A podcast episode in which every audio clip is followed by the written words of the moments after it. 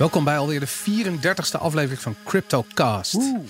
En ehm, deze aflevering wordt mede mogelijk gemaakt natuurlijk door onze vaste sponsoren. En het zijn bitonic.nl, bitmymoney.com en satos.nl. Ik zit hier vandaag natuurlijk met vaste presentatoren Herbert Blankenstein tegenover. Boris. Naast me hier Madelon. Ja, hallo. Jee. En, En onze Boris gast. is Boris van der Ven. Ik ben Ja, ja. Boris van de Ven, inderdaad. En onze gast vandaag, Michiel Ipenburg. eh, technisch analist, trader, werkzaam voor Satos onder andere. Onze sponsor. Ehm, en we gaan het vandaag hebben over eh, het vierde kwartaal. Het is net begonnen en het vierde kwartaal is eigenlijk een begrip in crypto. En ehm, vorig jaar hebben we in het vierde kwartaal hebben we een gigantische run gezien. En waarom is dat? Waarom heeft het vierde kwartaal de neiging om qua prijs interessante dingen te doen. Ik, ik wil het nog even in het midden laten wat precies de conclusie gaat zijn vandaag. Want ik weet dat iedereen er zijn eigen ideeën over heeft. En daar gaan we in ieder geval vandaag eh, uitgebreid over eh, praten. En eh, ehm, ja, hopelijk komen daar hele mooie conclusies uit. Maar om te beginnen gaan we ehm, even kijken naar de tweets die we hebben binnengekregen. Naar aanleiding van onze afgelopen uitzending. En ik heb een poll online gezet. En dat gaat eigenlijk ook een beetje over die stelling van hoe dat vierde kwartaal eruit gaat zien. Ehm, in de, periode, de vraag was in de periode oktober-december kan de prijs van crypto soms erg hard omhoog gaan. Wat gaat er dit jaar in Q4 gebeuren met de prijs van bitcoin? 34% gaf aan dat de prijs eh, sterk zal stijgen. 30% gaf aan dat de prijs een beetje zal stijgen. 22% gaf aan dat de prijs gelijk blijft. En 14% zei de prijs gaat dalen in het vierde kwartaal van 2018. Ehm, nou, het lijkt me duidelijk. 64% van onze luisteraars is het erover eens dat de prijs tenminste een beetje omhoog gaat. En dat is wel heel erg eh, fanatiek. Eh Madelon, wat, wat, wat, ik zie je kijken. Wat, als, dit, als je dit hoort, wat denk je dan? Ja, ik, ik vraag me af waarop dit gebaseerd is. Precies. Emotie. Pure emotie. Ja, is dit dan thinking. allemaal onderbuikgevoel? Of, of Ja. zou men dan ook echt gaan kijken naar wat er de voorgaande jaren gebeurd is en daar dan een kansberekening op maken? Of komt dit misschien eh, doordat ze weten dat Bak strakjes live gaat? Het zijn allemaal dingen die nu door mijn hoofd heen spoken. Waarom is iedereen zo positief? Want op dit moment doet de koers nog niet zo heel veel. Nee, daarom. En Ik, toch, ik, ja. ja. ik lees al, wat is het intussen, een half jaar of zo lees ik stukken op Coindesk en noem ze allemaal maar op. Van de boels hebben nu pas echt sterke argumenten. Weet Ja. je wel? En eh nou ja, Nou, een keer moeten ze gelijk hebben. Dat is Michiel. Ja, een keer moeten ze gelijk hebben. Tenminste, ja, daar gaan we dan ook maar, maar, maar vanuit, hè, gemakshalve. Ja, Klopt. absoluut. Nou, interessant. Misschien eh, zegt het ook wat over de aard van de correctie die we eigenlijk nu meemaken. We hebben vorig jaar in Q4 natuurlijk een gigantische top gezien van 20.000 dollar. Ja. Ehm, en iedereen zei toen al van ja, we krijgen nu een blow-off fase. En zo'n blow-off fase, als je het hebt over zo'n gigantische eh, eh, ehm, eh, prijsstijging, dan duurt de blow-off fase duurt, kan echt wel eventjes duren. En misschien Mhm. wel een jaar. En dat, Ja. ja. iedereen die dat in december tegen me zei, ik zoiets van ja, ja, ja, ja, weet je. Maar nu zie je van ja, inderdaad, dat, dat is wat het is. Maar de tijd gaat toch nog wel behoorlijk snel. Voor Ja. je het weet zitten Is we straks weer in die... Ja. Precies. Ja. Ja. Dus eh, wat dat betreft nog even afwachten. Inderdaad.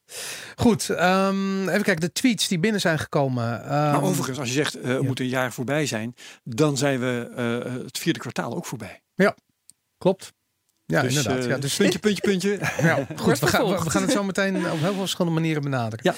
Ehm, even kijken, we hebben hier de eerste ehm, reactie eh, binnen. En ik zie dat ik eh, in mijn enthousiasme ehm, de naam er even... Oh, de Crypto Charlotte heeft dit, eh, heeft dit getweet naar ons. Rond eind november hoopt BACT, B-A-K-K-T, online te gaan. Dat is een trading platform van de New York Stock Exchange. Ehm velen hebben dit punt aangegeven als een soort omslagpunt voor een weg omhoog. Wat is jullie gedachte over de BACT Exchange? Kijk even om mij, Michiel. Ja, ik, ik denk persoonlijk dat buiten bakte dat momenteel al heel erg veel eh, grote partijen aan het inslaan zijn. Ehm, ja, dat, dit zal vast ook, hè, dat dat live gaat. En Nasdaq gaat natuurlijk ook volgend jaar. eh, ja, er zijn zoveel grote partijen die, die gaan komen. Ja, die zijn nu al volop, echt volop aan het hamsteren. Ja, nou heeft BACT biedt de mogelijkheid aan om eh future contracten af te sluiten. Ehm, daar staan fysiek geleverde bitcoins tegenover. Dat betekent dat eh, in tegenstelling tot veel andere exchanges zij ook daadwerkelijk de onderliggende assets zullen aankopen. Dus dat zou in theorie ertoe moeten leiden dat er meer volatiliteit, of tenminste meer liquiditeit in bitcoin terechtkomt. Ehm Madelon, zie jij dat ook gebeuren? Ehm, ja, ik vind het wel een lastige. Uh, je kan hier heel positief over zijn. Je kan dit vanuit meerdere punten aanvliegen natuurlijk. Um, ja, wat jij net ook al zei, is dat er nu gewoon heel veel partijen kijken naar hoe kunnen we zo, goed, zo goedkoop mogelijk zoveel mogelijk bitcoins inkopen. En dat gaat voornamelijk over de counter. En dit, dit initiatief, BACT, zou het mogelijk maken voor institutionele partijen om heel, op een heel laagdrempelige manier echt de bitcoin te kunnen bezitten. Ja. En dan wel gaat het om een future, maar ja, die onderliggende waarde, die, die bitcoin, die zit er wel degelijk in. Het is wel echt niet in papier. Ja, tuurlijk. Het, het blijft een gok. Maar los daarvan wordt het wel makkelijker om dan daadwerkelijk die fysieke bitcoin um, aan te schaffen. En ik denk dat dat uh, ja, op de lange termijn wel wat zou kunnen doen met de koers. Maar iedereen die is daar nu op aan het focussen. Op het moment dat Bak live gaat, gaan we de lucht in. Daar heb ik een beetje mijn twijfels over. Ja. ik heb nog wel een vraag aan, aan Michiel dan. Als jij zegt de grote partijen zijn aan het inkopen, dan betekent dat eigenlijk, lijkt mij, dat die grote partijen denken dat de bodem bereikt is. Want anders zouden ze niet inkopen. Uh, ja, klopt. Dat, dat denk ik. En die zullen niet zo heel erg schrikken van als we vanaf hier nog, nog een keer 10% die, die 6000 gaan testen. Die, gaan Daar, die gaan er niet van wakker liggen. Die gaan dan nog iets meer kopen. En dat zijn natuurlijk die partijen met zoveel geld. Die kunnen zo'n trigger geven dat we van daaraf gewoon weer vrolijk de weg naar boven bewandelen. Ja, interessant. Ik vraag me wel af, want ik, ik heb wel zitten nadenken, ja, hoe kan uh, uh, meer aanbod leiden tot meer vraag. Want dat is eigenlijk wat er steeds gebeurt. Er worden steeds meer diensten gereleased, tradingplatformen, uh, producten binnen grote trading exchanges. Nou, zolang het maar geen aanbod van Bitcoin is, hè? Nou ja, de, maar de vraag, als de vraag van Bitcoin niet toeneemt, dan, dan al die diensten, dan, dan gebeurt er niks. Ik dat denk lijkt niet zozeer dat het te maken heeft met het aanbod. Ik denk eerder dat het te maken heeft met de manier hoe je uh, bitcoins kunt bemachtigen. Ja. Dus die wegen daar naartoe, die worden makkelijker gemaakt. Ja, behalve wat je van Bakt zou kunnen zeggen. Want het is natuurlijk alleen maar voor, echt voor de grote klanten. Je moet Mhm. minimaal 100.000. Een, een contract is minimaal 100.000 dollar. Ja. Uh, maar als je bijvoorbeeld zou zeggen van jij neemt een hele grote positie in Bitcoin. En om dat een klein beetje te um, uh, ja, iets tegen een beetje het risico in te dekken, uh, ga je ook gelijk short op Bitcoin. En dat doe je via dit soort platformen bijvoorbeeld. En in die zin zou je kunnen zeggen van ja, het geeft institutionele beleggers de, een, een, een, eigenlijk een tool om groot in bitcoin te gaan. Want het, het risico wordt een beetje afgedekt Mhm. mm -hmm. door de short posities die je zou kunnen innemen. Mm -hmm. Maar goed, dat, dat was eigenlijk het enige wat ik eruit kon destilleren. Dat Ja. hele baktverhaal, wat, waardoor wij eventueel meer, meer iets gaan zien in de prijs van bitcoin. Ja, je krijgt meer liquiditeit. Die kans is, die, dat, dat is natuurlijk een gegeven. En het feit dat zij echt de fysieke uh, backing hebben van bitcoin. Ja, dat is natuurlijk wel iets wat, wat op de langere termijn toch echt wel, denk ik, positief gaat uitpakken. Ja, nou, laten we het hopen. Uh, Stephanie Marcus vraagt. Um, ik heb alle uitzendingen tot nu toe gevolgd. Maar wat ik eigenlijk een beetje mis, is de cruciale vraag aan alle gasten. Waarom denken jullie dat crypto, um, of crypto coins of tokens, uh, uiteindelijk door zullen breken? En de vraag is of we die, die vraag kunnen, kunnen, kunnen stellen. En dan is natuurlijk een beetje de vraag, wat bedoel Ja, je elke met keer doorbreken? standaard aan gasten stellen. Ja. We moeten dat voortaan altijd doen. Oké, ja, is nou goed. Laten we, laten Ja. we kijken hoe, uh, hoe Michiel uh, antwoordt op deze vraag. Waarom gaat crypto doorbreken? Ik denk een hele leuke vraag. En um, juist het feit dat de, hè, waar bitcoin wordt uh, afgekraakt, hè, dat dus het criminelen gebruiken het en, en noem maar op. Het hele principe is juist natuurlijk dat het transparant is. En ja, juist dat biedt zo ontzettend veel mogelijkheden. En, en, en door, de, door de beveiliging die erin zit en dat het de single truth is, uh, ja, is het juist een hele goede tool om, om op, op elk willekeurige branche kan je hier gewoon wel iets, iets ontzettend moois mee, uh, mee neerzetten. Nou ja, dat is. Uh, Maar gaat deze vraag in op het specifiek mainstream worden van crypto's? De, ja, dat is een Of beetje een vraag van wat is er in. gebruik wat, van... wat is door zal breken? Precies, ja. want het ik, zou ik ook vind over het al door. blockchain kunnen gaan. En, en of dat iedereen de naam uh, crypto kent. Of ja, het, dat hangt er maar net vanaf. Die distributed ledger technology, als je Ja. dat specifiek bedoelt, ja. Nee, Dus kijk, doorbreken ook echt gebruiken voor betalingsverkeer. Ja. In mijn ogen wel, maar dat hoeft niet iedereen te vinden. Nou, het is, eh, ik wat, ik heel interessant vind, wanneer ben je begonnen met crypto? Kijk, eh, ik zit er een aantal jaar in. En als je vandaag de dag vergelijkt wat er in de media wordt gezegd over crypto of over bitcoin of over wat voor projecten dan ook. Hoe dat ontzettend mainstream bij alle grote mainstream media platformen terugkomt.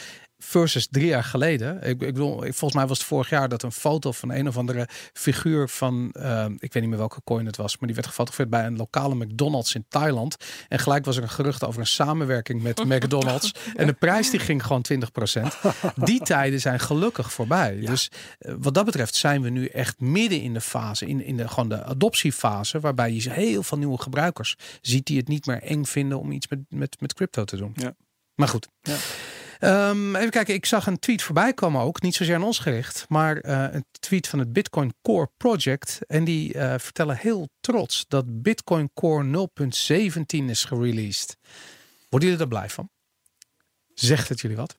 Het Volgen jullie dat? Nee, Nee? ik, ik eh, moet bekennen dat ik dat... nee. Oké, nou, er zijn twee dingen die ik heel interessant vind. Aan de ene kant, ehm, wat heel erg tof is, is dat als jullie bijvoorbeeld een paper wallet hebben waar je bitcoin op hebt staan, hè, of je hebt een, eh, eh, zeg je hebt een hardware wallet, die heb je in cement gegoten en eh, die heb je naar de maan geschoten met een raket bij wijze van spreken. In ieder geval op een manier eh, opgeslagen dat je er niet makkelijk bij kunt.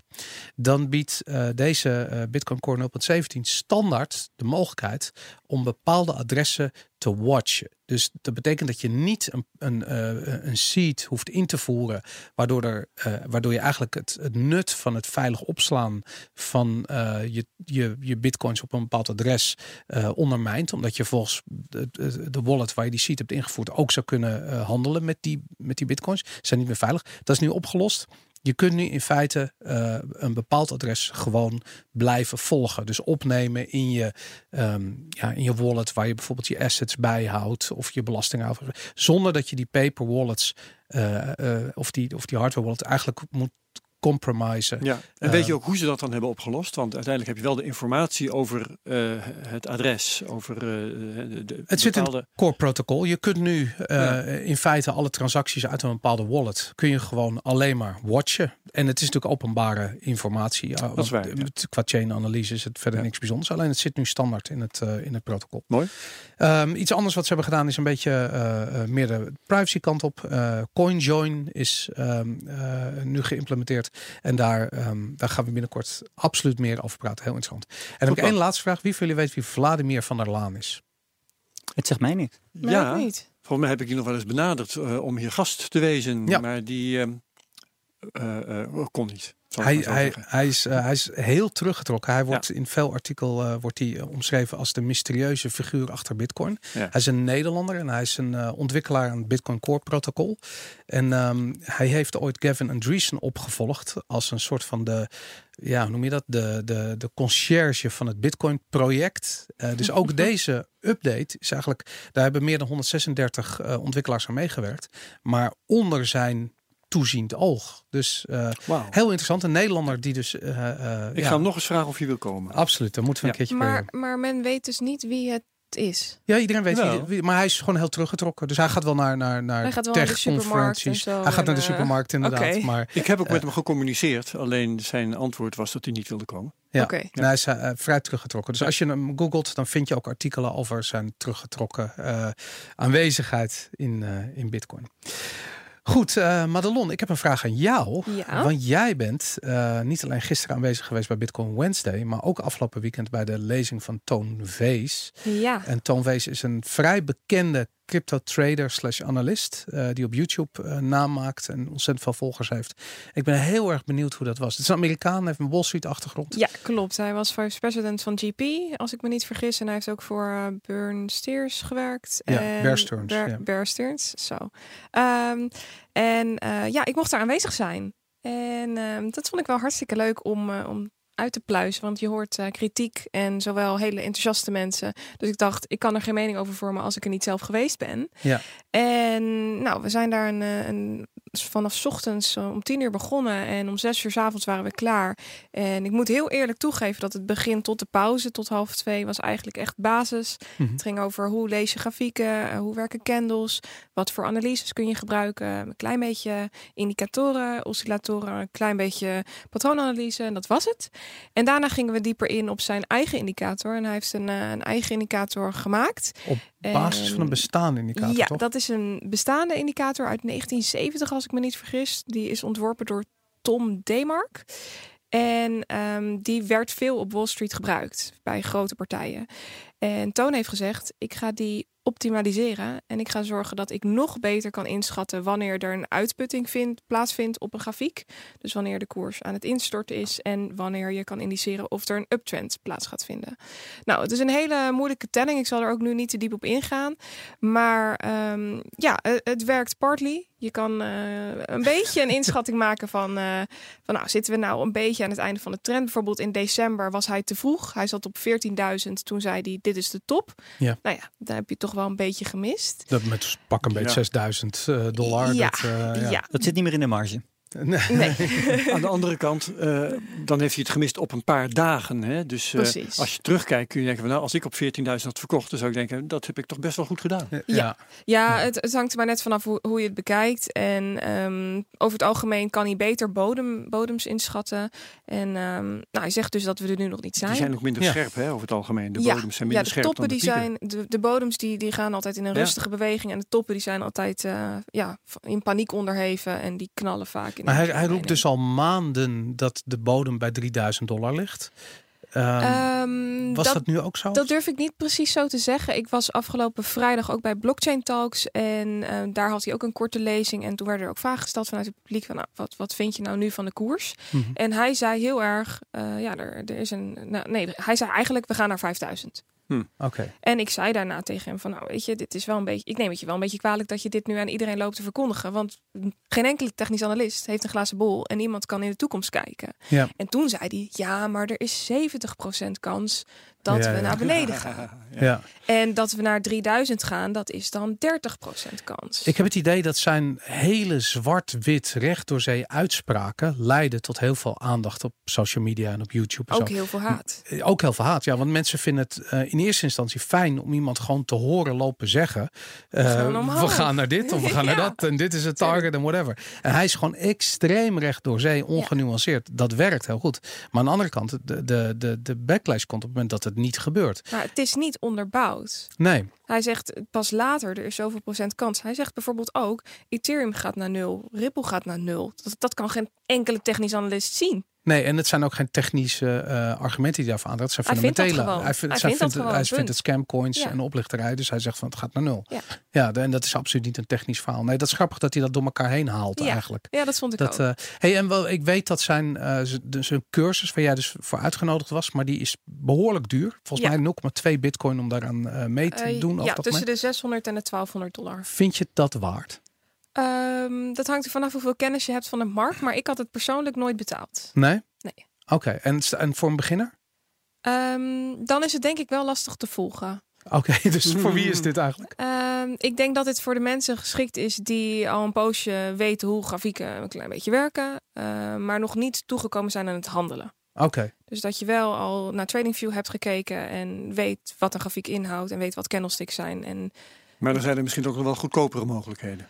Ik denk dat vrijwel alles wat hij verteld heeft in de workshop ook prima op eh, investing.com te vinden is. en op zijn eigen website gratis. Dat zegt hij zelf overigens ook hoor. Dat ja, eh, er, de, er staat een heel boek op zijn eigen website over de TD-indicator die hij ontworpen heeft. Een gratis boek. Ja, een gratis boek. Wauw, oké. En eh, ja, daar kun je je in ieder geval in verdiepen. Zijn eh, gespecialiseerde indicator moet je trouwens ook voor betalen. Dus die Oké, nou goed. is helaas niet gratis. Michiel, wat vind jij van Vees?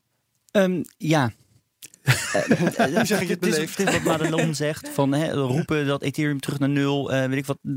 Je hebt geen glazen bol, hè, je hebt het met historische data te maken. En eh, op basis daarvan kan je best wel tot hè, een redelijke inschatting maken van goh, welke kant we ongeveer opgaan. Maar ja, dingen gaan op Ethereum terug naar nul, ja, is, is ja, Ja. het heeft, eh, heeft niet zo heel veel zin. Ja. Nee, ik, eh, het, is, het is meer roepen dan dat er daadwerkelijk echt eh, actie, actie komt. Oké, maar duidelijk. jij bent wel een fan van hem, Boris? Of- Ik, ik, ha- ik, maar ik ben, kijk, van huis uit ben ik gewoon een mediaondernemer. En ik vind hoe hij aanvoelt hoe hij met zijn doelgroep moet communiceren, dat vind ik fantastisch. Ik bedoel, als jij gewoon zegt van die prijs van Bitcoin, dat gaat gewoon keihard naar 2000 dollar. En Ethereum wordt nul en Ripple wordt nul. En het zijn allemaal scams. Ik hou ervan, omdat ik weet wat je speelt met vuur. Weet je, je gaat mensen echt op hun echt ziel een staan. risico. Maar ik weet dat dat zo werkt media. Weet je, je kunt Ja. geen genuanceerde krantenkoppen, dat, koop, dat leest niemand. Op, eh, op Twitter heb je ook volgens mij Pa- Parabolic Trev. En Ja, die, is, zeker. die is heel lang is die trending geweest. En ja, zolang dat goed ging, was het echt... Nou, Ja. die, ja, die man die heeft de wijsheid in pacht. Totdat hij er, ja, dat het even iets anders ging. Ja. Ja, en dan word je natuurlijk echt genadeloos Als je afgemaakt. twee Ja. keer ja. mis hebt, dan ben je gezien. Absoluut. Aan ja. de andere kant, Toon die doet dit nu een jaar. Die reist nu een jaar rond. Eh, ieder weekend geeft hij twee presentaties. Doe de MEF. Eh, Ja. Als het strakjes nou niet uitkomt, dan alsnog is die binnen. Ja, natuurlijk. Kijk, over hem maak ik me geen zorgen. Maar ik, het gaat mij er gewoon meer om hoe die, hoe die omgaat met media. Ja. En ehm, ik, ik denk ook, en ik hoor van vrij veel mensen, dat het hem ook behoorlijk naar zijn bol is gestegen. Mhm. En dat, eh, dat probeer ik, dat, dat druk ik me heel diplomatiek uit. Maar ik, ik denk eerlijk gezegd, dat is waar het uiteindelijk misgaat. Ook omdat hij nu heel veel kritiek krijgt op zijn uitspraken. Ja. Sorry. Maar goed, eh Toonfeest, hij is dus in Nederland eh, volgens mij nog twee dagen en Mhm. eh, dan is hij weer weg. Dat betekent dat veel mensen die dit horen straks, dan, dan is hij al weg. Hè? Ja. Pas op. Dus Ja, en eventjes eh, om heel eerlijk te zijn. We hebben geprobeerd om hem in de uitzending te krijgen. En dat is niet gelukt. En dat, daar wil de beste man gewoon heel veel geld voor hebben. Dus dat, eh, dat helaas ging dat niet door. Goed, we gaan door naar het nieuws. Eh, Michiel, zullen we met jouw nieuws beginnen? Ja, dat is goed. Ehm, ja, ik heb een artikel gekozen van, eh, van, van Bitnet. Ja, ik vind het een hele, hele interessante. Ehm, dat eh, de premier van Malta, Jozef eh, Muscat, heeft zijn platform gebruikt bij de, bij de VN tijdens een, een zitting. Om, ja, om, om blockchain gewoon te promoten. En ze willen van, eh, van Malta echt eh, het blockchain-eiland eh, maken. En ja, goed, die, ze, willen gewoon crypto, ze willen gewoon crypto hebben. Ja. Ze willen het gewoon hebben. Dat hebben ze natuurlijk in het verleden ook gedaan met gokken. Hè? Ik bedoel, ze hebben heel veel. ze hebben een aantal aanpassingen gedaan in wetgeving over gokken. En nu zijn eigenlijk alle Europese gokondernemers zijn naar Malta verhuisd. Ben je niet bang dat als crypto en gokken dat het allemaal een beetje in dezelfde hoek zit en dat het zo'n ja, dat het elkaar een beetje gaat, gaat aansteken of zo? Dat, dat zou heel goed kunnen. Maar zoals een Binance heeft natuurlijk ook, eh, zit, is ook die kant op getrokken. Ehm, ja, ik denk persoonlijk dat, dat dit soort nieuwsberichten. En we, worden overspoeld met, met, met positieve nieuwsberichten. ehm, ja, dat, dit wel een hele goede stap is van, van dergelijke kleine staten en landen. eh, die, iets met blockchain, die, die echt de potentie ervan zien. En ja, uiteraard landen als, als eh, Venezuela, hè, waar gewoon grote de- deflatieproblemen zijn. Eh, ja, ik denk dat dat eh, de nieuwe trigger kan zijn. Inflatieproblemen. Ja, inflatieproblemen, ja. Dat, eh, ja, dat, dat, dat, dat echt eh, ja, dat, dat een volgende trigger kan zijn. Ja, denk je dat dat soort landen dan ook groots, ehm, laat ik zo zeggen, bitcoin aan het toe- bijvoorbeeld bitcoin aan het toevoegen zijn aan hun nationale reserves? Dat vind ik een lastige. Ik, ik denk dat als je er zo ongelooflijk open en breed, hè, ook op een, op een VN-bijeenkomst op uit, over gaat spreken, kan ik me er haast niet aan, aan de indruk onttrekken dat het wel gebeurt. Het is toch logisch? Put your money uit- where your ja mouth is. uiteraard. Dat, Dat, dat, ja. dat is in dit geval denk ik ook, ook zeker het geval. Ja, Ja, een de klein andere- land kan het makkelijker doen dan een groot land. Ja, precies. Precies. Ja. En aan de andere kant is het ook zo. Malta ziet ook wel dat hier heel veel geld bij komt kijken. En dat als alle start-ups straks bij hun gevestigd zijn, dat dat voor hun economie alleen maar beter Ja. is. ja, ik ben benieuwd wat Binance zometeen aan belasting betaalt in Malta. Dat vind Niks ik heel- natuurlijk. Ja, Nee. Niet heel. Ja, Belastingparadijs. ja, daarom inderdaad. Ja. Wauw, ongelooflijk. Herbert, wat is jouw nieuws? Nou, ik wil mensen verwijzen naar de Wall Street Journal. Daar staat een interessante documentaire over de eerste stappen van de Wall Street Journal op cryptogebied. En ehm, over die documentaire heb ik wel het nodige te zeggen. Maar het eh, nieuws daaruit, het is het volgende. De eh, maker van die documentaire heeft een Wall Street Journal coin gemaakt, de eh, WSJ coin. En op het moment dat hij die eigenlijk op de markt wilde brengen, ook op de exchanges wilde proberen te krijgen, toen heeft de eh, huisethicus van de Wall Street Journal heeft daar een stokje voor gestoken. Ja. Die zei dat doen we niet. Had er trouwens ook een goed verhaal bij. Eh, want hij zei, wij zi- zijn in de business van eh, het eh, schrijven over banken en dergelijke. En het schrijven over... ehm, als je schrijft over banken, moet je niet zelf een bank gaan worden. Dus als wij willen schrijven over crypto, dan moeten wij niet zelf een coin op de markt gaan brengen. Maar hoeveel journalisten, financiële journalisten, zullen niet aandelen hebben in de bedrijven waar ze over schrijven? Ja, nou, dat is een subtiel verschil. Aandelen hebben. Nou, ik meen te weten, dat is volgens mij ook hier bij het FD aan de hand, dat je als je hier in vaste dienst bent, dat je, dat je niet mag beleggen in aandelen. Er oké. zit wel een due diligence Dus dat is, achter. een, eh, ja, dat is een, eh, ook een ethisch verhaal. Maar ik had een andere ehm, eh, vergelijking eigenlijk in gedachten. Eh, dat verhaal over banken en zo, dat klopt. Je, als je schrijft over banken, je mag rustig een bankrekening hebben, maar zelf een bank op touw zetten, dat is echt wel een verschil. Ja. Ben je sportjournalist, dan hoef je niet een voetbalclub op te richten, Nee. maar het helpt wel als je kan voetballen. Ja, Weet je wel, en als je gevoetbald hebt op eh, enig niveau. Dus zo kun je dat zien. Dus ik vond dat stoppen van die coin vond ik eigenlijk wel een, een, een goed verhaal van die ethicus. Over die documentaire zelf. Die viel me erg tegen.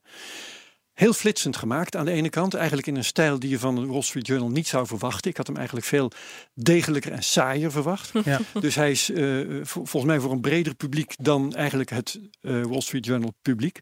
En ik vond hem ook erg oppervlakkig. Ja, Hè, want dan hebben ze zo'n coin gemaakt en dan gaan ze in. eh, hij vond het ook nodig om ervoor naar Japan te gaan. Ik dacht, waarom niet Korea? Dat is volgens mij is die, meer. hij is be- die journalist zit in Hongkong volgens mij. Of nou ja, in, Japan, dat- dat- in Azië in ieder geval. Ja, maar hij, hij ging naar Japan. Dat vond ik nou niet het meest voor de hand liggende cryptoland. Maar misschien is het dat wel. Maar in ieder geval, die coin was dan gemaakt. En dan ging hij naar een bar en dan ging hij zogenaamd met die coin betalen. Ja. En die mevrouw achter de bar, ja, die vond dat prima. Hoewel die coin, daar Hmm, kon, kon ze nooit van gehoord hebben. Ja. Dus het was een flauw toneelstukje. En ik vond eh, dat dus eh, eigenlijk van een, eh, van een bedroevend niveau, inhoudelijk gezien. Het was een heel bekwaam, ze hadden duidelijk veel werk in ge- gezet. En qua vormgeving en zo, prima werk. Maar inhoudelijk slecht. Nou, ik vond grappig, ze maakte een punt wat ze zelf niet maakte. En dat was namelijk dat toen ze in die bar zaten en dat hij, dat die, die, die bardame die vroeg van wat is je coin dan waard? En toen Ja. zei hij van nou precies één biertje. Dat is Ja. ook toevallig, dat was een beetje grapje. Maar, maar wat geeft die coin waarde? Het feit dat er een cameraman staat en een eh, documentaire maakt over En de reputatie van het Wall, Ja. de Wall Street Journal. Daarom, maar daar wordt niet over gepraat. En dat eh, terwijl Nou, wel trouwens verderop, als hij, als hij eh, advies vraagt over zal ik die coin op de markt gooien, dan zijn er mensen die zeggen, nou, een coin met de reputatie van de Wall Street Journal erachter Ja. en een coin waarmee je voor je journalistieke producten kunt betalen, daar zien wij wel wat in. Dat Ja. is natuurlijk een steekhoudend verhaal op zichzelf. Ja, inderdaad. Ja, op die manier hebben ze het inderdaad wel behandeld. Ja, absoluut. Nou goed, de link naar deze documentaire staat in de show notes. Ja. En ik kan hem toch zeker iedereen aanraden. Vooral omdat je een klein beetje respect krijgt voor de eh, coins en de tokens en de projecten die al wel in staat zijn om als betaalmiddel gebruikt Ja, te dat worden. vind ik ook bedoel, wel. Dat, is echt wel knap hoor. Ik De bedoel, maker heet trouwens Steven Russo-Lillo. Kijk, nou, fantastisch. Madelon, wat is jouw nieuws? Ik had een eh, nieuwtje over Venezuela deze keer. En Venezuela die schrijft eh, historie. Althans, dat zeggen Alweer. ze zelf. Ja. De veelbesproken petro die gaat namelijk dienen als nationale valuta van het land. Interessant. En eh, die neemt daar dus de plek in van eh, de huidige munt die zij hebben. En ehm, ja, Maduro die ligt al een poosje behoorlijk onder druk. Dus hij moet wel iets doen. Eh, er is veel hyperinflatie in Venezuela. En ja, er is al een poosje gedoe geweest over het wel of niet komen van die petro. En vanuit binnenuit hebben ze toch eerst gezegd, nou, het, kan niet. Eh, die petro, daar, moet mee gestopt worden. Daarna uiteindelijk hebben ze toch weer gezegd, nou, laten we toch proberen om die petro alsnog te lanceren. Eh, de petro die wordt gebackt door olie, wat in Venezuela nog in de grond zit. Dat is ook discussiewaardig. Ja, en nu want hebben ze dus gezegd, het wordt een, ja, een, eh, een nationale betaalmiddel. Maar er zijn een aantal dingen. De pet, om te beginnen, Petro is, eh, wordt gedekt door olie. Die olie is van een staatsbedrijf. Dat staatsbedrijf heeft een schuld op dit ogenblik van 60 miljard Amerikaanse dollars. dus, oh, de die- knetter. dus dat is wat je uit de grond haalt. waar je aandeelhouder in bent in die schuld, laat ik het zo zeggen. Ehm, daarnaast, technisch gezien, die Petro is er helemaal niet. Ik bedoel, het schijnt dat je kon inschrijven op een website. Die website doet het nog altijd niet op de dag van vandaag. Dus niemand heeft een Petro. En dat. ehm, Ja. Het nieuws is ook dat volgende maand de handel begint. hè? Oh, oké. Oh, ze Ja. Dus die was een aankondiging van wordt- aankondiging. In november aangezet. Ja, Ja, ja, inderdaad. Want dat is wa- wat Overigens hij is dat ook eerder aangekondigd. Dan zou die in oktober. Dus het is allemaal nog een heel warrig verhaal. Ja, Maar het laatste, de laatste beweringen zijn dat die in november er echt komt. Ik vraag me ook af wat voor mensen hier dan aan werken. Twee man heb ik me laten vertellen. Ik heb een, Serieus? Ja, ik heb een interview niet te gezien met een journalist in, eh in Venezuela. Ja, dat zijn er niet veel. Nee, Nee, dat klopt. ja. Dat is niks. Het gaat nergens over. Het is ook, het is ook een token eh, op het Ethereum-netwerk, wat je, ehm, ja, ja, wat je Het is een heel 10 bizar minuten ding. in En elkaar Wij zet. moeten dit vooral goed in de gaten houden. Heb ik wel meer gezegd. Want Ja. eh, dit wordt heel spannend. Ja. En, wat Nou. voor puinhoop. het wordt misschien een andere puinhoop in Venezuela. Maar waarschijnlijk blijft het een Ik, puinhoop. ik heb het idee, het is totale chaos daar. En die Maduro, die, die, die, ver- die, hij zegt maar wat. Hij weet niet wat cryptocurrency is. Hij weet niet de staat waar de petro in verkeert. Het, het is gewoon onzin allemaal. Maar ja, aan de andere kant, hij moet ook wel iets doen. Zeggen, hij moet iets zeggen. Hij moet ook iets doen. Ja, maar hij, dat, hij dat, moet dat, iets doen. dat is al jaren lastig. Maar hij moet zeker iets zeggen in ieder geval over wat hij zou gaan doen dan. Ja, oké. Je bedoelt dat hij er iets meer over mag uitweiden hoe het precies intrinsiek in elkaar zit in plaats van. Nou ja, en hij- daar hoor je bijna niks over. Nee, Nee. Je nee, hoort, eh, we gaan iets doen en het is gebekt door olie, maar verder is het één groot mysterie. Het is wel interessant natuurlijk, maar het is mysterieus. Ja, Ja. Hoe die backing werkelijk in elkaar waar. zit, is nog altijd niet duidelijk. Want het laatste wat ik las was dat die niet alleen gebackt wordt door olie, maar ook door ijzer en een paar andere delfstoffen. Oh, en het verhaal wordt ingewikkelder, maar eigenlijk ook alleen maar vager. Ja. bizar. Nou, we gaan Nou, ze in de goed. gaten houden. Mooi. Ik had ook nog een nieuwtje. En dat heeft te maken met een eh, voormalige eh, eh, directeur van Google. en een Steve Lee. En die heeft gezegd dat eh 1% van de wereld ehm, kan maar 0,28 bitcoin bezitten. En dan heeft hij volgens allemaal aannames gedaan die niet kloppen. Over, hij weet niet dat er inmiddels al 4 tot 6 miljoen bitcoin gewoon verdwenen zijn. En nou goed, er zijn allemaal vragen over hoeveel bitcoin er uiteindelijk allemaal wel beschikbaar zijn. Maar in ieder geval tenminste 1% van de bevolking is in staat om 0,28 eh, eh, bitcoin te hebben. Eh, en niet meer dan dat. Dus als je Ja. op dit ogenblik 0,28 bitcoin zou hebben, of je zou dat kopen, wat een relatief bescheiden investering is, van ongeveer 1200 dollar, zoiets, dan ho- behoor je officieel tot de 1%. en dat, ja, ja, ja. dat vond ik grappig. Er was een ander leuk eh, eh, weetje wat voorbij kwam. En dat is namelijk een, was een tweet van Jameson Lob. En die, die retweette weer iets wat iemand zei van Alistair Milne. Wat ook zo'n zo'n bekende bitcoiner is. En die zei van ehm, eh, eh, eh, Coinbase, grote Amerikaanse exchange, heeft 5 miljoen nieuwe accounts toegevoegd. En daarmee zijn ze op 25 miljoen gebruikers komen te staan. Zo. En zegt Jameson Lop, er zijn niet eens genoeg bitcoin om alle eh, members van Coinbase één bitcoin te Ja, laten wauw. kopen. ja, ja, ja. Daar zijn we inmiddels al aangekomen. Eh, trouwens, dit verhaal wat jij vertelt, ook van die 0,28 en zo, hè, dat, eh, dat echoot een verhaal dat, dat ik eerder ook al heb gelezen. Ehm, er eh, zijn niet genoeg bitcoins om alle miljonairs op de wereld één bitcoin te geven. Kun je nagaan. En nu zijn we inmiddels al bij Coinbase eh, eh, geregistreerde leden inderdaad aangekomen. Ja, dus dat gaat steeds, dat gaat steeds eh, verder naar beneden. En er zijn natuurlijk heel veel mensen die gewoon al vanaf 2013 al ja, ontzettend Honderden. veel bitcoins, he- Ja. ja, honderden, Duizenden. duizenden hebben. Whatever. Ja, dus je, je kan en niet echt een- verkopen. en niet en gewoon hier vasthouden. Ja. Die gaan gewoon voorlopig niet verkopen. Ja, nee, er gaan verhalen over dat er in werkelijkheid maar waarschijnlijk 2 miljoen bitcoin maximaal verhandeld worden. Ehm, dus meer, meer aanbod zal er niet zijn. Dus dat is heel interessant eh, Ja. als je dat meeneemt in de, in de vergelijking. Ja. Goed, laten we naar de prijsanalyse gaan. Madelon. Jee, daar gaan we weer. Ehm, ja, ik moet zeggen, ik heb al een dag of drie, vier buikpijn. Oké. en ehm, dat komt omdat ik het nu toch wel behoorlijk spannend begin eh, ja, vind te worden. Eh, begin, nou, ik kom niet eens meer Vindt uit mijn woorden. Ja. Jeetje. Ehm, ja, afgelopen maandag heb ik een eh, video op YouTube geplaatst waarin ik zei: Oké, we zitten nu eh, rond de 6.540 dollar. Dat is een hele belangrijke supportlijn. Er is een behoorlijke kans dat we daar doorheen zakken. En hou dan vooral de oplopende steunlijn vanaf begin september in de gaten. Waar we dus al ditmaal voor de vierde keer steun hebben ondervonden. Ja.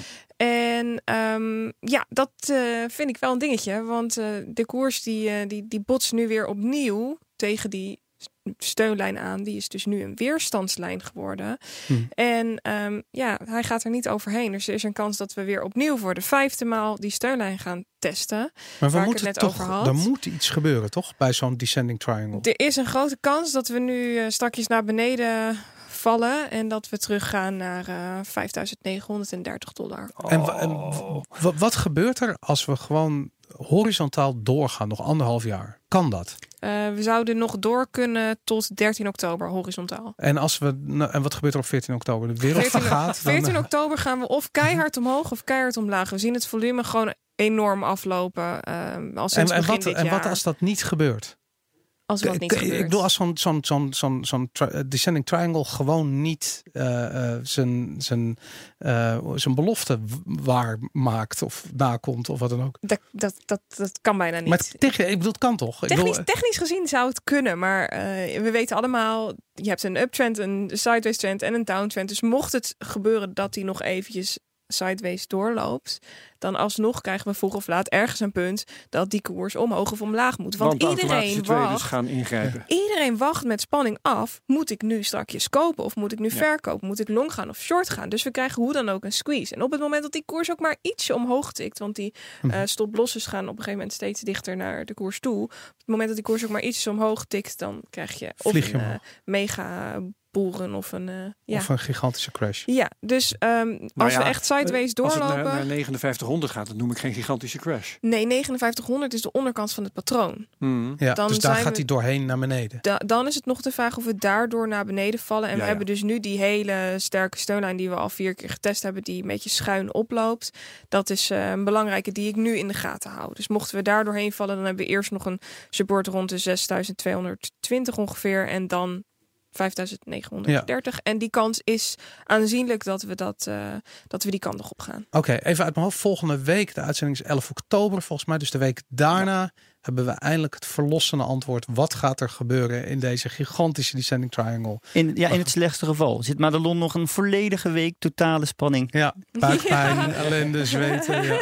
Maar ik vind het wel grappig, want ik deel dat. Ik zit ook echt te wachten. Ieder, maar dat is niet, niet alleen de, de technische analisten, maar iedereen is gewoon aan het wachten op confirmation van gaan we omhoog of gaan we omlaag. En ik verwacht zelf dat we wel eerst een fake-out gaan krijgen. Welke kant ook op gaan. Dat wil Dit zeggen is, naar beneden. eh, Een nee, schijnbeweging. Nee, een fake-out inderdaad, een schijnbeweging van, van om mensen uit positie op het laatste moment toch nog uit positie eh, te werken. Want dit, dit is al een vrij grote eh, triangle.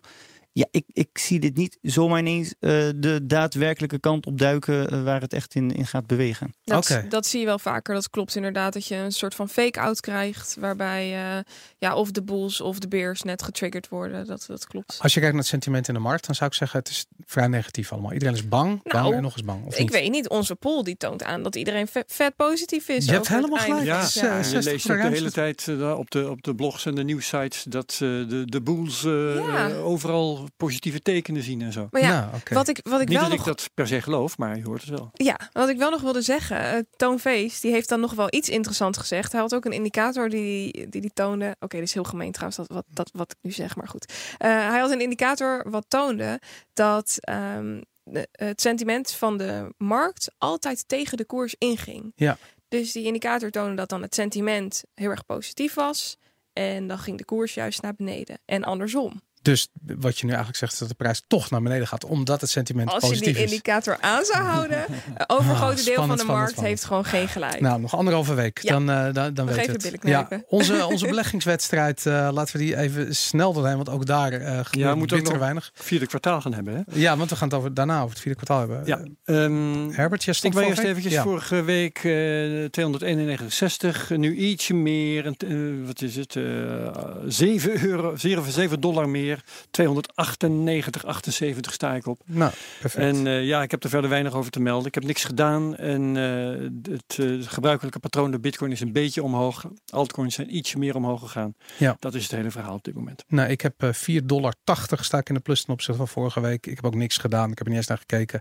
En ehm, er wordt er niet heel erg veel fucks gegeven om mijn koers door mij op dit ogenblik. Madelon? Ik heb eh, Ethereum en Litecoin verkocht. Ik zit nu volledig in Bitcoin. En ik zit, of vo- volledig in Bitcoin. Ik zit met eh een derde in Bitcoin en twee derde nog steeds fiat. En eh, ik sta op een koers van 828 dollar en 50 cent. Dat is best wel een bearish positie. Ja, klopt. Ja. Even afwachten hoe het strakjes eh, verder gaat. Nee, je hebt nog anderhalve Juist. week om erover na te denken. Om iets te. Ja, 100 dollar per week project. eh ja, Herbert. gaan we ook kort houden. Ja. Voor de 27 keer 100 dollar ingelegd op 600. Sorry, eh 6593,86. Eh de waarde van het hele zaakje is nu 2500 Ja. en 10 in plaats van 2700. Dus min 7% is dat. En eh, ja, ik koop nog steeds in onder de beginkoers van eh 6830. Dus je hebt een gevoelsmatige winst. Het, ik vind dat het heel goed gaat. Of het, of het naar beneden gaat, dan ben ik blij. Want dan ga ik goedkoper inkopen. Gaat het omhoog, ben ik blij, want dan wordt het meer waard. Dus ik zit altijd goed. Duidelijk. Goed, we gaan naar Michiel Ipenburg.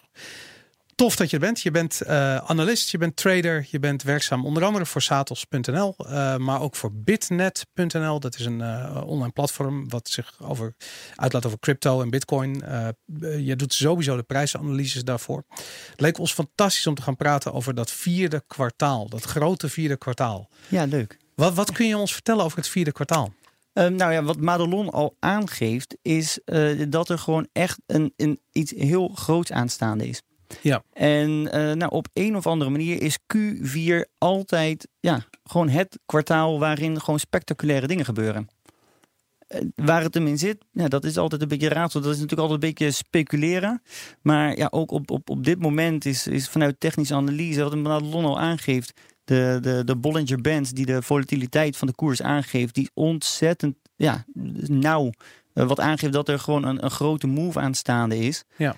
Ehm, ja, daar gaan hele spannende dingen gebeuren. Ja, Herbert, ik hoorde jou zeggen dat jij een schemaatje hebt gemaakt. Waarbij je eigenlijk de afgelopen acht jaar in prijs hebt steeds die, dat vierde kwartaal met elkaar hebt vergeleken. Ik heb eh, nou niet alleen dat. Eh, inderdaad, want ik, eh, ik hoor ook die verhalen dat, eh, dat het vierde kwartaal eh, opvallend vaak ehm, grote koersstijgingen geeft, bijvoorbeeld. Eh, toen dacht ik, goh, zou dat zo zijn? Dus toen dacht ik, weet je wat ik ga doen? Ik ga gewoon, er zijn wel sites waar je dat kan vinden. Ik ga van elk vierde kwartaal tot nu toe ga ik eens kijken wat de begin- en de eindkoers is geweest van Bitcoin. Ja. En ehm, ik zal je vast een, een voorproefje geven. Eh, ik heb dus die eh, koersen vergeleken. Van elk, kwart, elk vierde kwartaal heb ik opgeschreven hoeveel koersstijging of daling in procenten er was geweest. Ja. Eh, ga ik niet opsommen, maar ik heb ook een gemiddelde genomen. Ja. En dan zie je dat alle vierde kwartalen samen hadden gemiddeld een eh, stijging in de prijs van bitcoin van 150% Dan heb je het over de afgelopen Vier Q4's. jaar. alle vierde kwartalen waarover cijfers voor Bitcoin beschikbaar zijn. En dat is vanaf 2010. In 2000, vierde kwartaal 2010 steeg de koers van de Bitcoin van 6 dollar cent naar 30 dollar cent. Dat is 400 procent. Zo. En in 2011? 2011 was het van eh 5 dollar 1 cent naar 4 dollar 62 was min bijna 8 procent. Wow. En is afgelopen jaar, 2017, was dat het eh, meest, eh, was dat de grootste koer? Want dat is volgens mij ook Ehm, 3 of dat 400 was niet de grootste koersstijging, want de grootste koersstijging was in 2013 Ja. van, eh, zeg ik dat goed? Ja, Ja. van 134 dollar naar 753, Wow. 462 procent. Ik ben nog wel heel erg benieuwd naar eh, 2014. 2014 heb ik ook voor je. Van 381 naar 317, een min van 16,64 procent. Oké. Maar nou wordt het interessant. Toen dacht ik, ja, dat zijn cijfers voor al die vierde kwartalen. Wel, wat mij nou interesseert, zijn de verschillen tussen vierde kwartalen, derde kwartalen, tweede kwartalen. Want misschien zijn al die andere, hè, de bitcoin is over het algemeen Ja. meestal wel gestegen. Dus misschien is het helemaal niet bijzonder. Bestaat er zoiets als het Q4-effect? Is dat er? Ja. Let op.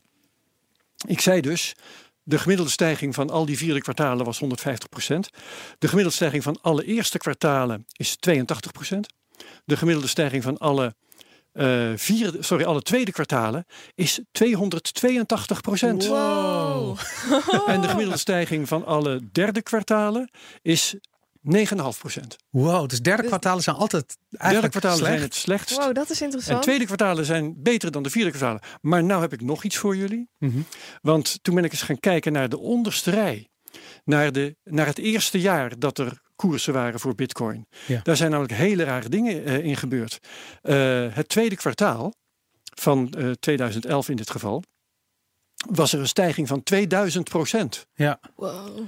En ehm, even kijken, ik vertelde je net, hè, het vierde kwartaal van 2010, dat was het eerste kwartaal waarvan de cijfers bekend zijn, dat is Mhm. 400 procent.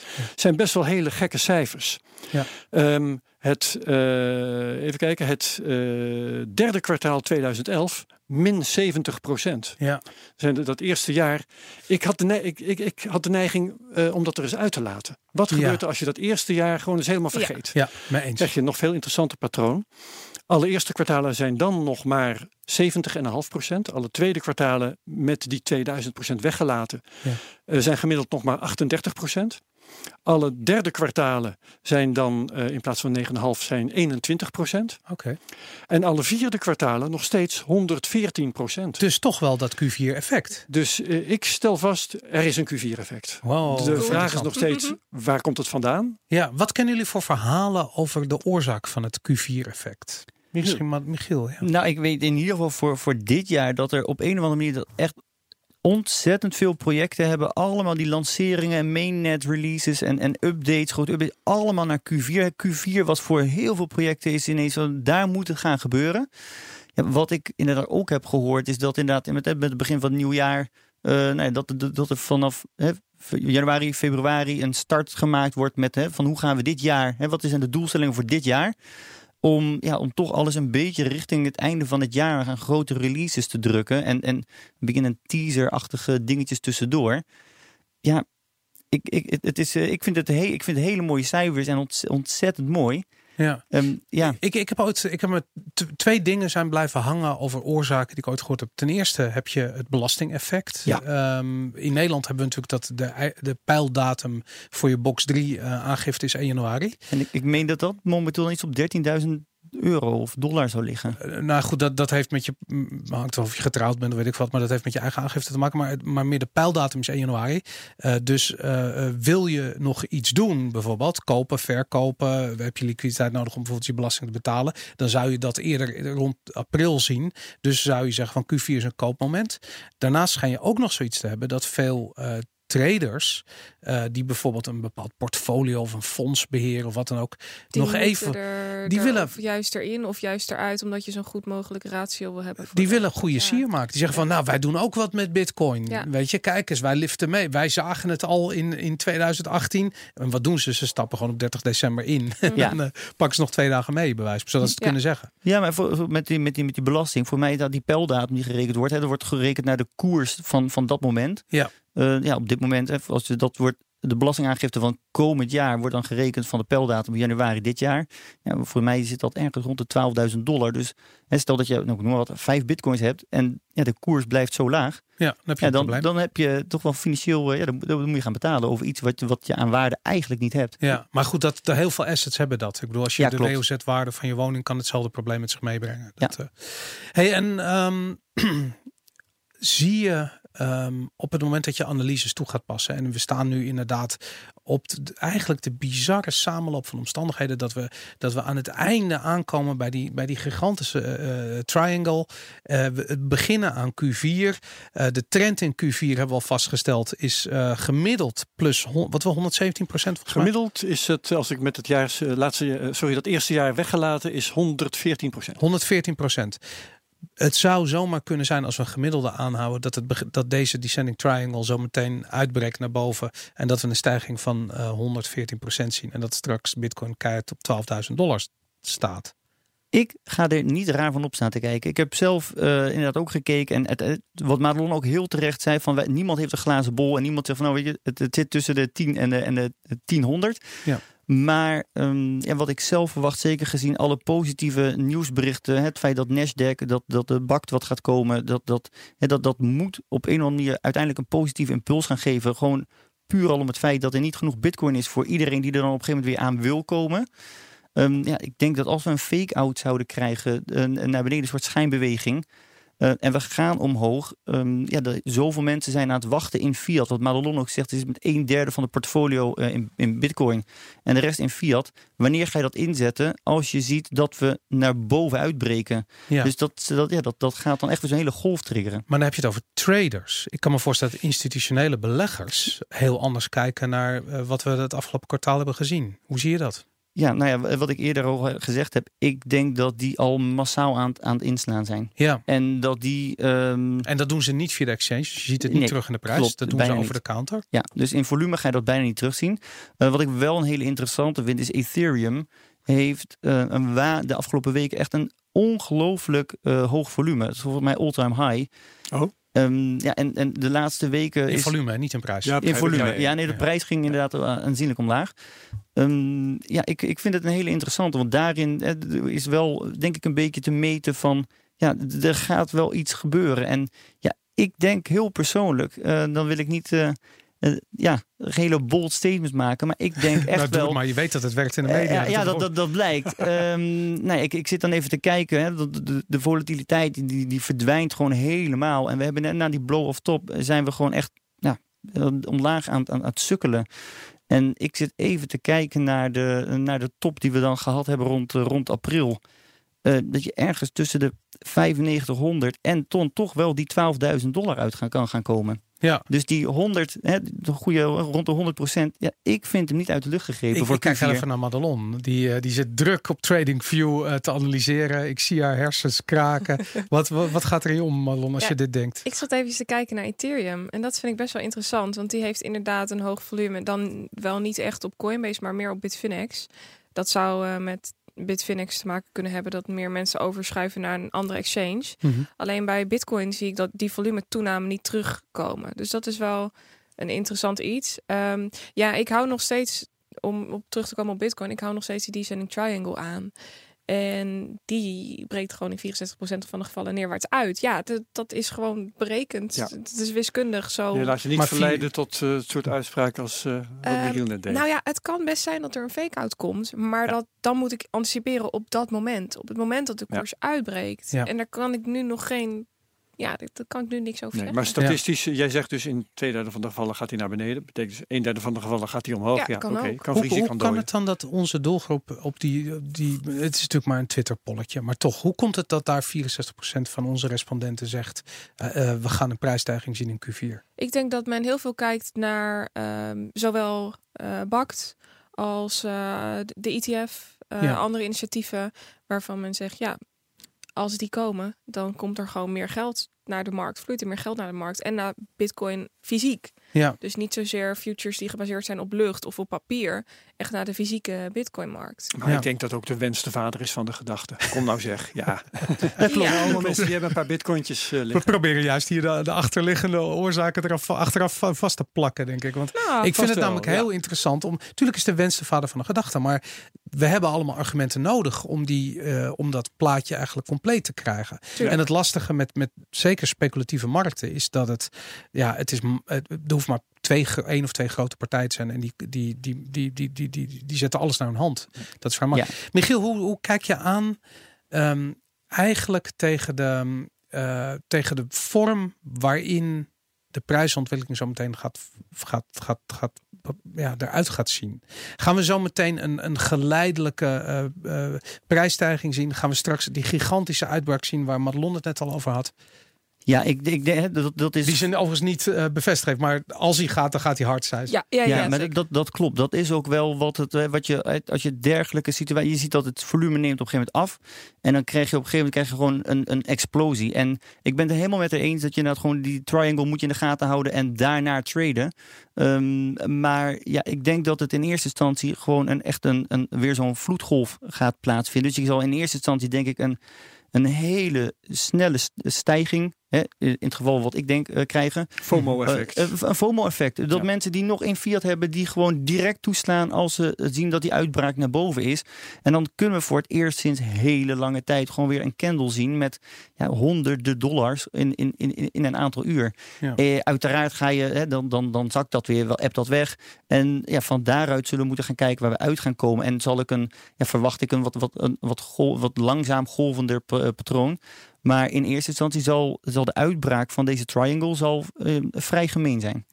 We hebben eh, voorafgaand aan deze uitzending even eh, zitten praten beneden. En toen hadden we het er eigenlijk over dat we overal signalen zien dat grote institutionele beleggers massaal crypto aan het kopen zijn. En die, die, dat soort, eh, laat ik zo zeggen, dat, dat, dat lees je niet zomaar in de krant. Het zijn soort signalen via via. Je kent dus iemand die werkt ergens en die werkt bij een desk. En dan er wordt nog wel eens over een biertje wat, eh, wa- wat verteld. De over-the-counter trading. bedoel je Over de counter trading. Zou het kunnen zijn dat zometeen, als, we een, als die naar boven uitbreekt, dat er een ontzettend tekort aan bitcoin eh, gaat zijn in de markt? Ja, dat, dat ga je zeker. Kijk, ehm, heel veel mensen die ik ken, die zijn ingestapt ehm, in, in november, december. Ja, die zijn totaal gedesillusioneerd. Zijn die ergens de afgelopen maanden afgehaakt met, met verliezen van, nou ja, eh 40, 80. 50, 80, 90 procent. Ehm, ja, helaas zijn dat vaak ook de mensen die inderdaad weer in gaan stappen. Eh, op het moment eh, ja, dat je al die eerste enorme explosie gehad hebt. Maar Ja. dat is wel een verschil natuurlijk tussen eh, institutionele partijen en particulieren. Klopt. Daarom verwacht ik dat die institutionele partijen, dat die inderdaad op dit moment ontzettend aan, aan, aan het inslaan zijn. En eh, ja, je gaat zo, die gaan natuurlijk voorlopig vasthouden. Die, dat zijn ook de partijen die de markt kunnen maken of breken. Die geven twee of drie goede nieuwssignalen uit. Ehm, en vervolgens gaat de, het normale volk, Ja. eh, die, gaat, ja, die, gaat, die, die gaan weer... eh, rent die, die rennen, die hollen erachteraan. En ja, dan, dat kan best wel weer zo'n zo'nzelfde golf teweeg gaan brengen... die we natuurlijk al heel veel vaker hebben gezien binnen Bitcoin. Ja, Ja, Voor en, wat- en sorry. Oh, nu, Voor wat ik weet, eh, qua over de counter trading zijn er nu heel veel partijen die willen kopen. En zijn er weinig aanbieders. Dat, dat, dat klopt helemaal. Ik, ik, ik weet inderdaad ook uit nou, vrij betrouwbare bron dat het inderdaad momenteel moeilijk is om hele grote partijen te kopen. Verkopen, eh, wat dus bijna niemand wil. Dat- Je bent het acuut kwijt. Ja. Ja. Ehm, maar kopen is inderdaad lastig. En, en dat is natuurlijk ook alleen maar positief. En bij Ja. grote partijen spreek je dan wel over tussen de 5 of de 10.000 bitcoins. Nou, ik, ik weet dat het nu al moeilijk is om 200 bitcoin te kopen.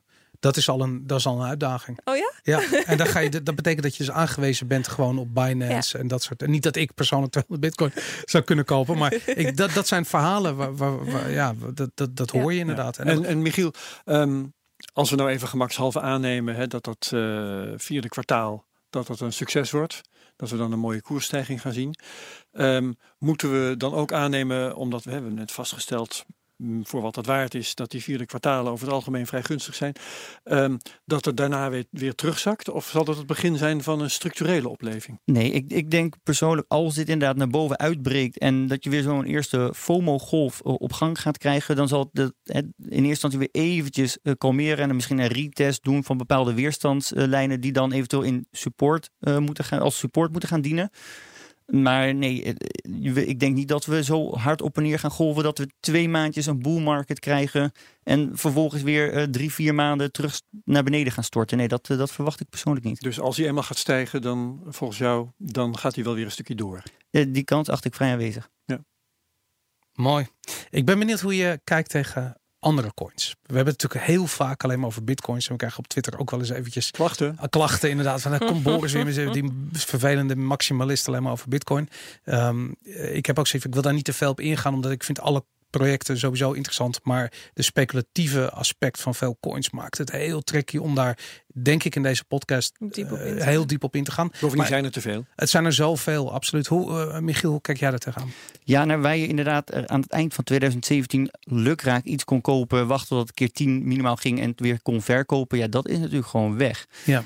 Ehm, ja, persoonlijk ben ik er wel een voorstander van, want ik zie echt wel projecten ehm, ja, die, die technisch andere dingen bieden dan dat je momenteel met Bitcoin kan.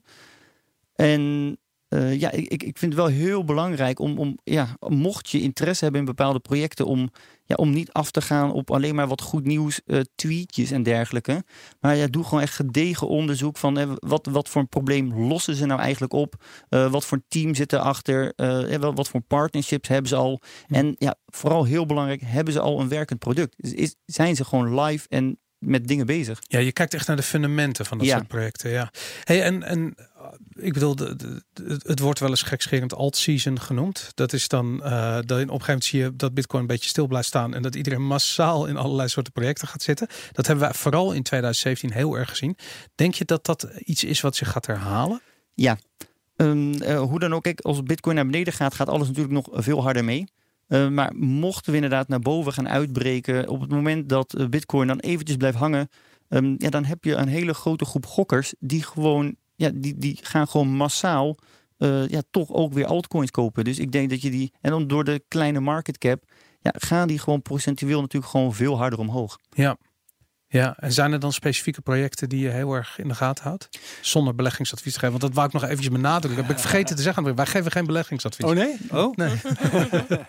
Ja, VeChain vind ik, eh, vind ik persoonlijk echt een van de, ja, van de, van de meest ja, potentiële projecten waarvan ik echt heel veel verwacht. Vanwege fundamentele aspecten ervan? Eh, ja, ja, gewoon het hele principe wat zij, wat zij doen op basis van, van supply chain en echt de traceability van producten. En, en waarmee je dus echt de, de, ja, de, de authenticiteit kan, kan aantonen. Eh, ja, en zij hebben gewoon een aantal hele leuke partnerships met bijvoorbeeld de DB Schenker. de- dat dat die overgaan, bedrijf. logistiek bedrijf, groot, echt een heel groot Mm. logistiek bedrijf. Ehm, ja, die zijn gewoon niet bezig om maar een marketingstuntje op te zetten. Die zijn met een groot team ja, echt bezig om, om, om ja, te gaan voor massa-adoptie van, van, van blockchain. En wat vind je dan van de prijsontwikkeling van VeChain de, de afgelopen maanden? Of het afgelopen kwartaal? Ja, nou die valt inderdaad eh, bij, bij het nieuws wat ze hebben uitgebracht, valt het eigenlijk tegen. Maar dat, dat vind ik eigenlijk over Bitcoin ook. Als je ziet wat voor een, eh, technische updates daar ook, hè, met de Schnorr eh, Lightning, wat natuurlijk uitgerold is, ja, dat er best heel veel positieve dingen te melden zijn. Ehm, ja, je ziet het nog niet direct in de prijs terug. Nee, nee terwijl ze inderdaad, VeChain heeft zijn eigen mainnet gelaunched natuurlijk. eh, wat was het, twee maanden geleden. Eh, iedereen verwachtte daar heel veel van. Het heeft volgens mij een keertje 10% eh, stijging voor zich. Vervolgens ging het weer even hard naar beneden zoals alle projecten. Dat, dat, dat is dan gewoon inderdaad eh, eh, iets wat te maken heeft met alleen maar de speculatieve kant van, eh, van zo'n coin. Ja, klopt. Ik, ik, ik denk dat dat voornamelijk komt. Op het moment dat, dat Bitcoin op dat moment 20% omhoog was gegaan, hadden al die speculerende mensen hadden daar volop ingezet. En ja, zie je veel grotere schommelingen. En ja, dat, dat heb je nu dus niet gezien bij, bij een aantal coins die, die live gingen. Ja, wat, Madelon, wat, hoe kijk jij tegen alt-season aan? Um, ik zie nu geen alt-season aankomen. En, en het, het gegeven op zich, bestaat er zoiets als alt-season? Ondanks dat het toevallig twee keer heeft plaatsgevonden. Ja, vind, vind, ik heel lastig om te zeggen. Um, als je dat terugkijkt in, in de geschiedenis van bijvoorbeeld zilver en goud en edelmetalen, dan kun je ook niet zeggen dat er een rush is geweest los van goud. Koper season of zoiets. Precies. Dus, dus Aluminium season. Vind ik een beetje lastig om uh, zo te benoemen. Kijk, weet je, uh, als bitcoin stijgt, gaat de rest gewoon mee. Ja. En dat hebben we de afgelopen periode gezien. En dat sommige alt sneller stijgen omdat men denkt dat ze daar meer geld mee kunnen verdienen. Dat duidt mijn inziens op een bubbel. Ja. En dat ja. is ik weet niet of je dat dan moet schalen onder een alt season. Ik zou eerder zeggen, doordat zoveel mensen greedy worden, uh, ontstaan er bubbels in de markt. Je zegt natuurlijk eigenlijk al, hè, die prijs gaat stijgen omdat mensen denken daar meer geld mee te kunnen verdienen. En dan gaan ze daar dus meer geld mee verdienen tot het een keer ophoudt. En daarom denk ik dat je dat ook veel ziet op het moment dat Bitcoin even in prijs niks doet. Op het moment dat Bitcoin omhoog gaat, dan zie je die altijd niet harder ten opzichte van Bitcoin stijgen. Maar juist op het moment dat Bitcoin even nou, een cool-down periode heeft en even blijft hangen, en dan gaan die mensen kijken hoe kan ik meer Bitcoin vergaren. Ja, en dat is dan dus door het aankopen van uh, altcoins vaak. Dat zien we nu. Uh, ja, tot, tot op heden steeds, ja. Ja, duidelijk. Ik wil uh, ter afsluiting nog eigenlijk even vragen naar jou. Als je wat verder in de toekomst kijkt. Drie jaar, vijf jaar. Wat gebeurt er dan? Wat gebeurt er met al die 10.000 projecten die er nu zijn? Waar staan die? Waar staat de top 10? Wat, wat vind jij als je nou echt ver vooruit kijkt? Hoe, hoe, hoe benader je de markt dan? Ja, ik, ik denk persoonlijk dat, dat Bitcoin, uh, nou ja, de komende jaren echt nog wel uh, die, die, nummer één positie waar mensen het over hebben van hè, we krijgen een flippening van Ethereum, Ripple, nou noem maar, op. Dat zie ik niet gebeuren. Dat zie ik echt de komende tijd echt niet gebeuren. Um, ja, de top 10, top 20, welke coins daarin gaan staan, ja, dat is natuurlijk ook echt koffiedik dik kijken. Maar ja, het is nu gewoon een uh, kwestie van gaan leveren. Projecten moeten gewoon echt aan de slag met eh, met gewoon hele grote bedrijven. En ja, ja, dan, dan, dan gaat dat echt wel komen. En die prijs is, is natuurlijk gewoon hè, op basis van speculatie dat ze zeggen van nou, we gaan ervan uit dat er een, een ander komt die hem voor meer wil terugkopen. Um, maar die schaarste, dat, dat blijkt dat dat mensen gewoon triggert. Ja. Dus de, de komende tien jaar, ja, ik denk dat, dat, dat blockchain als technologie um, ja, zo revolutionair is dat dat uh, binnen die tien jaar, dat iedereen daar hoe dan ook mee te maken heeft. In, in, het werk, privé, uh, medische dossiers, noem allemaal maar op. Um, ja, en die prijs, ja, dat, dat moeten we gaan afwachten. ik, uh, ik, ja, voorlopig, voor de komende jaren zie ik het echt nog wel een flinke stijging. Kijk, wat McAfee roept, hè, een miljoen, ja, 2020. Ja. je kan denken, de man is, is compleet gestoord. Denk maar, ook. Maar uh, ja, 20.000 had ook niemand een jaar geleden Klopt, voorzien. En ja, door die enorme schaarste en het feit dat Nasdaq en andere grote partijen zoveel geld pompen om een cryptodesk uh, te gaan lanceren. Ja, zie, weten ze dus ook, het gaat voorlopig niet verdwijnen. Begrijp het trouwens goed, hè? Uh, McAfee is gestoord, maar dat wil niet zeggen dat de bitcoin geen miljoen waard zou kunnen worden. Dat zou zomaar kunnen gebeuren, ja. Zo gek is hij ook weer niet. die twee dingen staan gewoon los van elkaar. We gaan het zien, inderdaad. Ja. Jongens, dank jullie wel voor deze uh, ja, speculatieve uitzending. Ik vond het super superleuk om even vooruit te kijken en na te denken over Q4 en wat er allemaal gaat gebeuren. Uh, Michiel Ipenburg, hartstikke dank voor je komst. Uh, natuurlijk Herbert Blankenstein en Madelon Vos. Boris van der Ven, leuk, yes. dankjewel. Tot volgende week.